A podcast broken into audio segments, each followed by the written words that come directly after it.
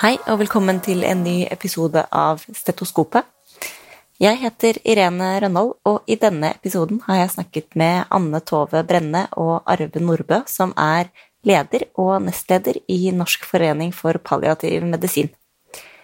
I en debattartikkel som er publisert på tidsskriftet.no, skriver de om hvordan man kan gi god palliativ behandling til pasienter med livstruende covid-19. Og det er det vi skal snakke nærmere om i dagens episode. Før vi starter, så kan jeg nevne at eh, denne episoden er, i likhet med den forrige, spilt inn i sin helhet på hjemmekontor. Det betyr også at lyden er litt dårligere enn den var da vi spilte inn i studio, men vi håper det går bra. Eh, velkommen hit, Anne Tove Brenne og Arve Nordbø. Dere har jo sammen med flere kollegaer skrevet en eh, debattartikkel om palliativ behandling av pasienter med covid-19. Hva var det som motiverte dere til å skrive den artikkelen? Jo, vi, vi, begynte å se behovet for å spre kunnskap om palliatøren sin rolle i forbindelse med covid-19-pandemien. Vi begynte å få spørsmål fra kolleger. Eh, hva gjør vi nå eh, oppi dette her? Og vi eh, syns det var grunn til å presisere at palliativ medisin eh, og palliasjon har en del elementer i seg som eh, er viktig å huske på når man skal behandle pasienter med covid-19. Eh, og spesielt de som ikke da eh, får intensivbehandling, som blir lagt inn eventuelt på vanlige sykehusavdelinger, eller blir liggende på sykehjem, eller for så vidt også får behandling hjemme. Så det var bakgrunnen for at vi valgte å skrive denne kronikken. Eh, jeg har lyst til å si også at det, um, Lindrende behandling og palliasjon er veldig mye mer enn bare medikamentell behandling. Um, palliasjon har mye mer å bidra med, så det ønsker vi også å få fram i denne her kronikken. Da. Mm. Så akkurat hvordan man behandler covid-19-pasienter palliativt, det skal vi komme tilbake til. Men vi kan jo begynne med det aller først. Hva er god palliativ behandling? Ja, vi, har, vi, har, tenkt at det er for så vidt ganske enkelt. Det er å gi god lindring for både fysiske og psykiske symptomer og plager gjennom hele sykdomsforløpet. Også, I motsetning til det kanskje mange tror, at det er bare end of life care, men vi er veldig opptatt av at vi kan lindre symptomer og plager gjennom et forløp. Da. Og se pasienten i en kontekst der hvor pasienten er sammen med familien. Dere skriver i eh, debattartikkelen deres at eh, dere har hørt, fra, hørt, ting fra enkelte kollegaer som viser at det haster å få um, satt palliativ behandling i system. Hva er det de har fortalt dere? Eh, de, de begynte, medlemmer begynte å ta kontakt med oss eh, og, og spørre eh, hvordan skal vi forholde oss til dette. Hva gjør vi nå? Og det var jo litt på bakgrunn av at de, de igjen begynte å få spørsmål fra kolleger. Eh, eh hvordan de skulle forholde seg til dette her. Eh, eh, man har jo frykta at det skulle bli et høyt antall pasienter som trengte behandling for covid-19 på samme tid. og da var det også greit for palliatørene å kunne være forberedt på det. Så, så de begynte å etterlyse uh, som sagt hvordan de skulle forholde seg til dette. Uh, og da kan jeg jo si at I etterkant av at vi har skrevet denne artikkelen, så har vi også hatt en runde på dette i styret i forhold til hvilke anbefalinger vi skal gi til, til våre kolleger. og så har det også i tillegg rundt omkring forskjellige steder lokalt blitt tatt initiativ til å Eh, sette dette her i system. Da. Eh, palliative tiltak i forhold til eh, covid-19-pasienter. Det, det som er litt spesielt, det vi opplever nå, det er en veldig etterspørsel etter palliativ kompetanse til behandling av ikke-kreftpasienter. Og tidligere så har det vært sånn ofte at de palliative teamene har vært mest brukt til behandling av kreftpasienter. Eh, men nå opplever eh, Nå hører jeg at eh, kolleger si at det blir etterspurt også palliativ behandling til ikke-kreftpasienter.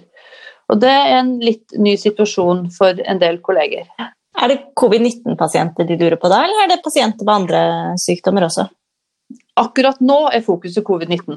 Eh, men, men det kan selvsagt også godt være i forbindelse med andre diagnosegrupper. Men akkurat nå er det veldig fokus rundt covid-19. Og så kan man jo si at Det som er positivt med det, er jo at det forhåpentligvis også vil øke bevisstheten rundt andre diagnosegrupper som kan ha lignende symptomer som pasienter med covid-19. Er det sånn at det er flere pasienter enn vanlig som vil komme til å trenge palliativ behandling i tiden framover, tror du? Veldig godt spørsmål. Eh, eh, hvis det blir et verstefallsscenario, sånn som man eh, er nødt til å planlegge for, så kan det kanskje bli det. Men per i dag så virker det som om den situasjonen er håndterbar i Norge. Vet ikke om du har noe supplerende å si, Arve? Nei, jeg tenker også det at sånn som det er i dag, så, så er det håndterbart. Men eh, vi må jo planlegge for et sånt verstefallsscenario, og da, da, kan det bli krevende for både de som jobber i de palliative teamene, og helsepersonell egentlig på alle nivåer i helsevesenet, tenker jeg.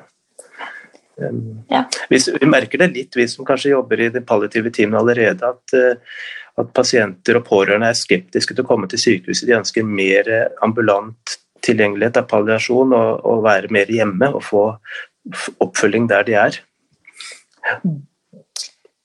Um, dere skriver litt i, uh, i, artikkelen deres om hvordan helsevesenet utfordres uh, nå.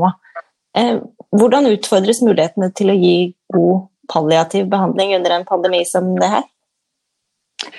Ehm, det vil jo bli, hvis det blir veldig mange pasienter på samme tid eh, som, som trenger behandling, og hvis man skulle havne i den eh, situasjonen i Norge at man ikke har nok eh, respiratorer til de som kunne hatt nytte av det. Nå er vi jo heldigvis ikke der per i dag, sånn som jeg forstår det. Ehm, og da, da vil det jo kunne bli utfordrende. I etterkant av ebolaepidemien i, i Vest-Afrika i 2014-2015, så gjorde man en evaluering i forhold til dette her med eh, lindrende behandling og palliasjon. og Da fant man ut at det, det, som, det som var til hinder for å gi god palliasjon, det var helsepersonells manglende trening i palliasjon, eh, for høyt antall pasienter i forhold til eh, antall helsepersonell, manglende smittevernutstyr og manglende medikamenter. Ehm, I Norge så har vi heldigvis ikke den situasjonen at vi mangler medikamenter. Eh, smittevernutstyr har vært eh, litt, eh, ifølge media, diskutert fram og tilbake, men forhåpentligvis så har vi nok. Når det gjelder dette med, med kompetanse og trening i palliasjon, så er det noe som alt helsepersonell skal ha basalkunnskap i, i fra grunnutdanningen sin. Og så blir det jo selvsagt dette her Eh, kontakte kolleger eh, med mer spesialkompetanse hvis man har behov for det. Eh, sånn at I Norge så tror jeg vi har ressurser for å kunne rigge oss til at man skal kunne få til å gi et godt palliativt tilbud til alle som trenger det. Dere skriver også litt om at triasj kan bli en viktig oppgave under en pandemi. Altså velge hvem som skal ha prioriteres til livreddende behandling, og hvem man ikke kan prioritere. Hvordan tas sånne valg? Det er jo egentlig valg vi står oppe i til daglig, også når vi skal prioritere om pasienter skal få videre livsforlengende behandling, eller om man skal samtidig prioritere lindrende behandling. Men eh, slik som det er i dag, så har jo myndighetene for så vidt lagt noen føringer for det allerede, ved at man sier at pasienter som har fast plass på sykehjem, skal behandles på sykehjem. og og pasienter med mange tilleggslidelser skal også ikke prioriteres for respirator. Så Vi har jo fått noen føringer fra myndighetene, og så tenker jeg at vi må bruke de medisinske, medisinske eh, vurderingene som vi gjør til vanlig. Men det kommer til å bli mer krevende hvis det blir mange pasienter og, og man har kort tid til å, å, gjøre disse vurderingene, tenker jeg. Hva, hva kan man gjøre for å gi god lindring til pasienter som har eh, livstruende covid-19? Ja, Vi har for så vidt allerede i dag gode rutiner og retningslinjer for lindring av symptomer i livets siste fase. Og vi har bl.a. et nasjonalt senter for dette i, for, på kompetansesenteret for lindrende behandling i Helse Vest. og Der ligger det gode rutiner som man kan bruke også for covid covid-19-pasienter. Men så er det også det at vi har jo fått høre og erfare at noen pasienter har veldig raske forløp. De, de lider veldig mye med dyspnø, kanskje kvelningsfornemmelser, og det krever kanskje høyere doser, raskere dosetitreringer enn det man er vant til. Og, og det, disse retningslinjene da, som allerede finnes, de oppdateres nå i forhold til det vi erfarer underveis. Og det kommer til å bli lagt ut retningslinjer sannsynligvis også på de lokale helseforetakene. Som er oppdatert i forhold til at vi forventer at noen av disse pasientene kan ha veldig raske og stormende forløp, og man må være veldig på um, når det gjelder lindrende behandling. Ja, og så vil jeg jo si at eh, det er veldig viktig å lage gode planer. Eh, eh, og i hvert fall hvis man vet at det er en situasjon hvor det kan oppstå raske endringer. At man har laga gode planer for hvem som skal kontaktes hvis det blir raske endringer. Har laga gode planer for å ha tilgang på det utstyret man trenger, tilgang på de medikamentene man trenger. Jeg tenker, Nå står vi overfor påskehelga, da vil jo sånne ting være ekstra viktig å ha planlagt på forhånd. Eh, så jeg tror at eh, med gode planer for hvordan hver enkelt pasient skal håndteres eh, i mulige situasjoner, det tror jeg man vil komme langt med. Mm. Mm. Også, og også dette her med at de helsepersonell som står i front og skal behandle pasienten, ha med pasienten å gjøre, at de også til enhver tid vet uh, hvem de kan kontakte hvis de står fast. At, ja, at, det, at, det, er lett å nå fram på telefonen til neste ledd. Du nevnte at det kan at ting kan utvikle seg raskt, Arve. Hva, hva betyr det i, i, praksis?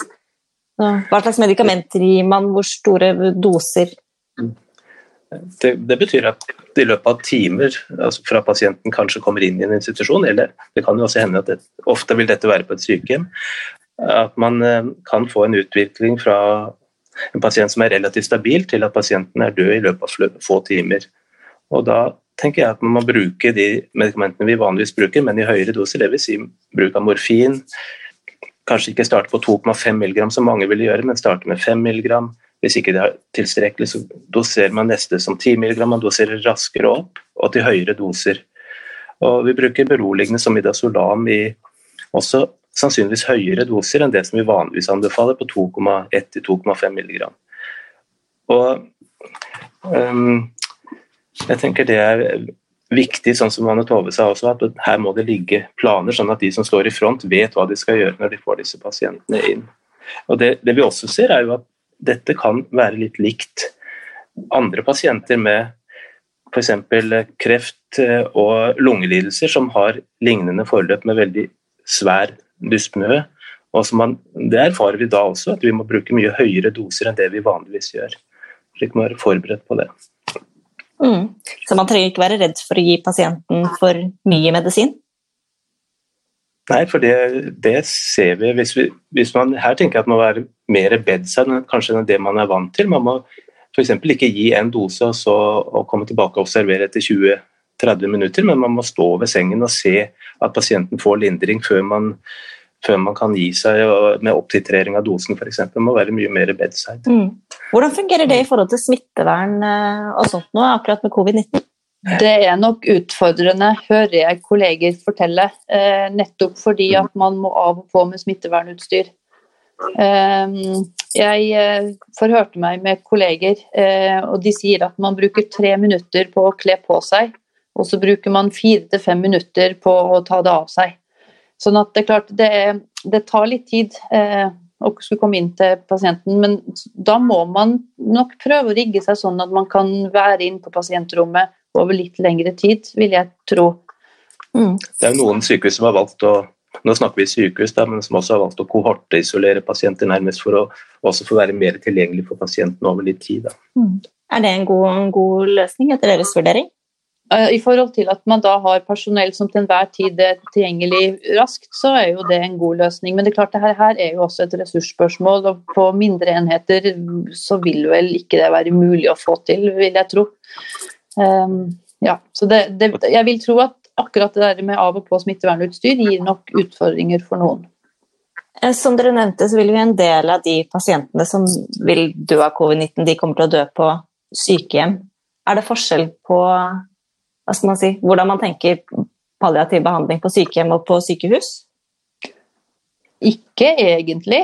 Eh, men det er klart man må altså, Tilnærmingen er jo lik, og bruk av medikamenter er jo lik. Eh, men, men, man må jo tilpasse behandlingen den settingen man er i. Eh, og Det gjelder jo både tilgang på personell og, og, og tilgang på utstyr, selvsagt. Men, men, prinsippene er jo de samme.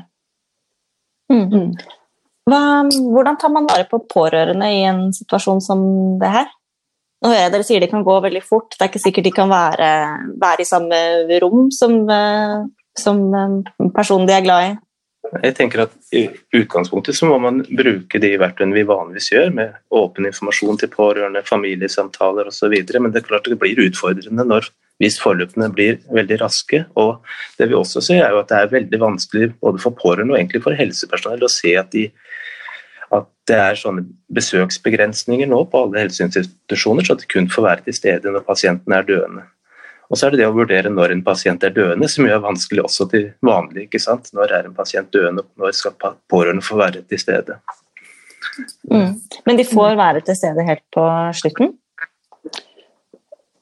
Der er vi litt usikre, i og med at ingen av oss jobber eller i hvert fall jeg jobber ikke på en institusjon akkurat nå hvor det er eh, covid-19-pasienter. Men eh, jeg vil tro at eh, helsepersonell vil strekke seg langt for å la pårørende få være til stede eh, også for covid-19-positive, hvis det er mulig ut ifra smittevernhensyn. Eh, men jeg kan også tenke meg at det varierer eh, fra institusjon til institusjon. Så der må jeg vel egentlig melde litt pass. Skjønner. Ja, det er samme her også. Jeg noe jeg er ikke sikker på i hvilken grad man tillater at pårørende er til stede, men det må i så fall være i forhold til de riktige smittevernhensynene, tenker jeg også. Men det er klart, eh, både si, sånn generelt så er det en interessant diskusjon hva som på en måte skal være, eller eh, trumfe høyest, eh, smittevernhensyn eller Eh, det at eh, døende pasienter, og for så vidt også alvorlig syke for den del, skal få ha pårørende til stede.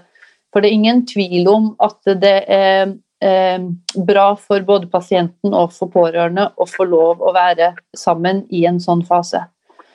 Så det å ha de restriksjonene, det, det er krevende. Og det er også krevende for helsepersonell å skulle formidle at du får faktisk ikke lov å slippe inn som pårørende det er mange helsepersonell mm. som opplever det som, som stressende.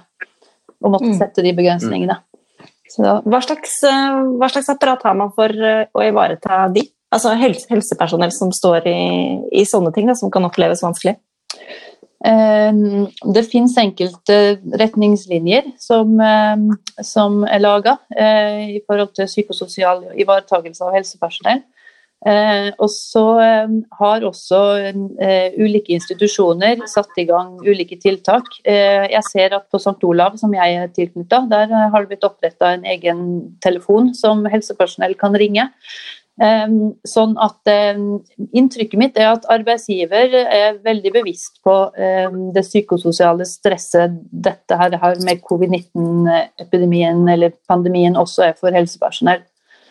For det er klart at ja, helsepersonell opplever dette her som belastende. Og selv om uh, man til nå har vært forskåna i Norge fra et veldig høyt antall pasienter på samme tid, så, så, er mitt inntrykk når jeg har snakka med kolleger, at de har opplevd den situasjonen vi nå står i, som, som belastende. Mm. Det kan jeg bekrefte at det er flere helsepersonell, både sykepleiere og leger, som syns det er veldig belastende å måtte begrense besøk av pårørende når pasienten opplagt nærmer seg siste fase av livet. Så det er en vanskelig balansegang. Mm. Hvis vi skal um, oppsummere litt, hva er, det, hva er de viktigste tingene å huske på hvis man er um, ja, hvis man er lege og behandler en pasient der man kan forvente et alvorlig forløp? Å tenke lindring samtidig som man tenker eh, livreddende behandling. Eh, eh, de to tingene er ikke noe motsetningsforhold. Eh, og når det gjelder palliasjon, så er det eh, eh, tverrfaglig. man kan ha nytte av å benytte ulike helsepersonell. Nå kan det selvsagt være utfordrende i forhold til covid-19, hvor fokuset nok vil være mye på dette med å lindre fysiske plager og eventuelt angst. Men det som sagt å, å ha to tanker i hodet samtidig, det tenker jeg er viktig. Også som vi nevnte tidligere, eh, dette her å ligge i forkant og lage gode planer. Eh, nå har jeg inntrykk av at eh, på sykehus, nei unnskyld, på, på, sykehjem rundt omkring i Norge så har man blitt veldig flink eh, på dette her med å ha eh, forhåndssamtaler med både pasient og pårørende og lage planer. Hva skjer hvis sånn og sånn? Skal eh, pasienten flyttes, skal den ikke flyttes? Hva skal vi ha fokus på når det gjelder behandling og lindring?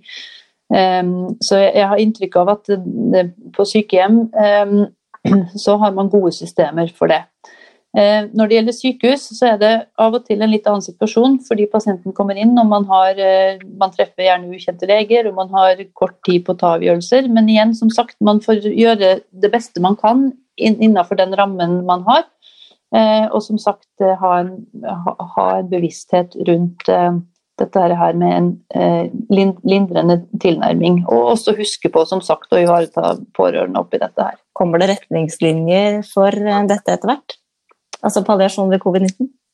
Det er jo slik at det er mange sykehus i hvert fall, og sikkert andre helseforetak også, som, som, forbereder egne interne retningslinjer. Men vi har jo diskutert dette i styret for Norsk forening for palliativ medisin, og vi mener at vi må vise litt vi må vise til de nasjonale retningslinjene som allerede er der i Helse Vest, eh, på kompetansesenteret der, og vi, og vi, må oppdatere det i forhold til at vi nå kan forvente oss mye raskere og mer alvorligere forløp for noen, noen pasienter, men ikke for alle. Jeg synes Det er viktig å si at vi har allerede eh, gode retningslinjer i Norge for å ivareta eh, pasienter eh, mm.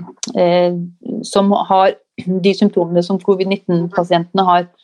Ehm, så, så, mm. sånn sett så skiller ikke covid-19 seg fra den eh, jobben som gjøres til vanlig. Eh, det som er spesielt nå, er jo at man frykter at antallet skal bli så høyt at det er mange som krever behandling på samme tid.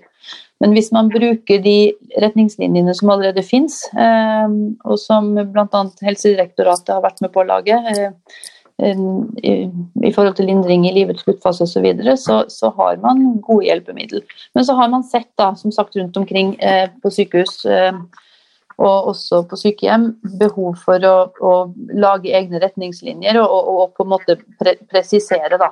Eh, og, og, også presisere eh, hvordan man eventuelt skal organisere forløpene.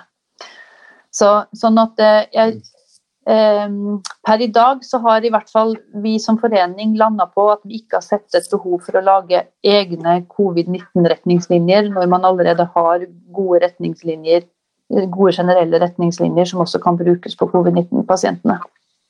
Og som sagt, eh, Kompetansesenteret i lindrende behandling Helse Vest har gjort en veldig eh, god innsats for å oppdatere eh, retningslinjer for behandling av døende pasienter. Eh, for å tilpasse det også covid-19. Hvis man har behov for å snakke med noen som har ekspertise på dette feltet, hvem kan man ta kontakt med da? Da vil jeg anbefale at man tar kontakt eh, med eh, det palliative teamet lokalt. De fleste sykehus i Norge i dag har palliative team.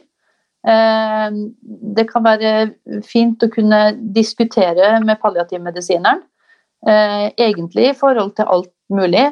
Både i forhold til praktisk symptomlindring av pasienten, hvordan man skal gå fram i forhold til det, men også hvis man har spørsmål eh, rundt eh, etiske problemstillinger, så kan det være nyttig å diskutere med palliativmedisineren. Hvis palliativmedisineren lokalt føler at vedkommende ikke kan hjelpe, så går det an å bli enige om at man eventuelt eh, kobler på en annen kollega, og at man kan diskutere det i et lite, lite team. Eh, når det gjelder det palliative miljøet i Norge, så er ikke det så veldig stort. Eh, så de fleste palliativmedisinerne kjenner gjerne hverandre. Jeg synes Det er viktig å huske på som sagt, at de legene som jobber med palliativ medisin rundt omkring i Norge, definitivt er en ressursperson som kan brukes hvis man trenger råd i forhold til lindring av disse pasientene. Eh, både, både fysisk eh, og, og, på andre måter, og som sagt også i forhold til etiske diskusjoner. Har du noe du vil legge til på slutten, Arve?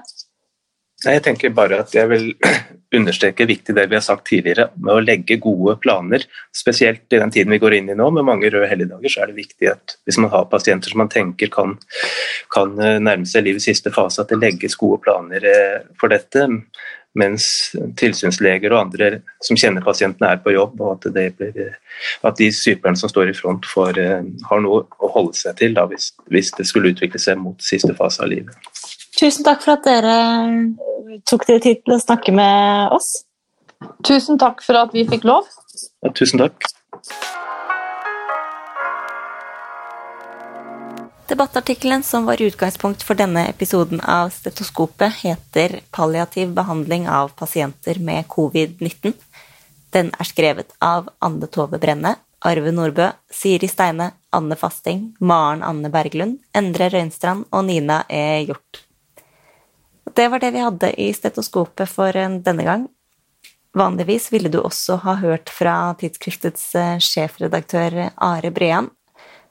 Han hadde dessverre ikke mulighet til å delta denne gangen, men kommer sterkere tilbake. Hvis du har tilbakemeldinger på denne episoden av Stetoskopet, så blir vi veldig glad om du sender oss en mail. Den kan du sende til stetoskopet at tidsskriftet.no. Stetoskopet er tilbake om to uker. Vi høres.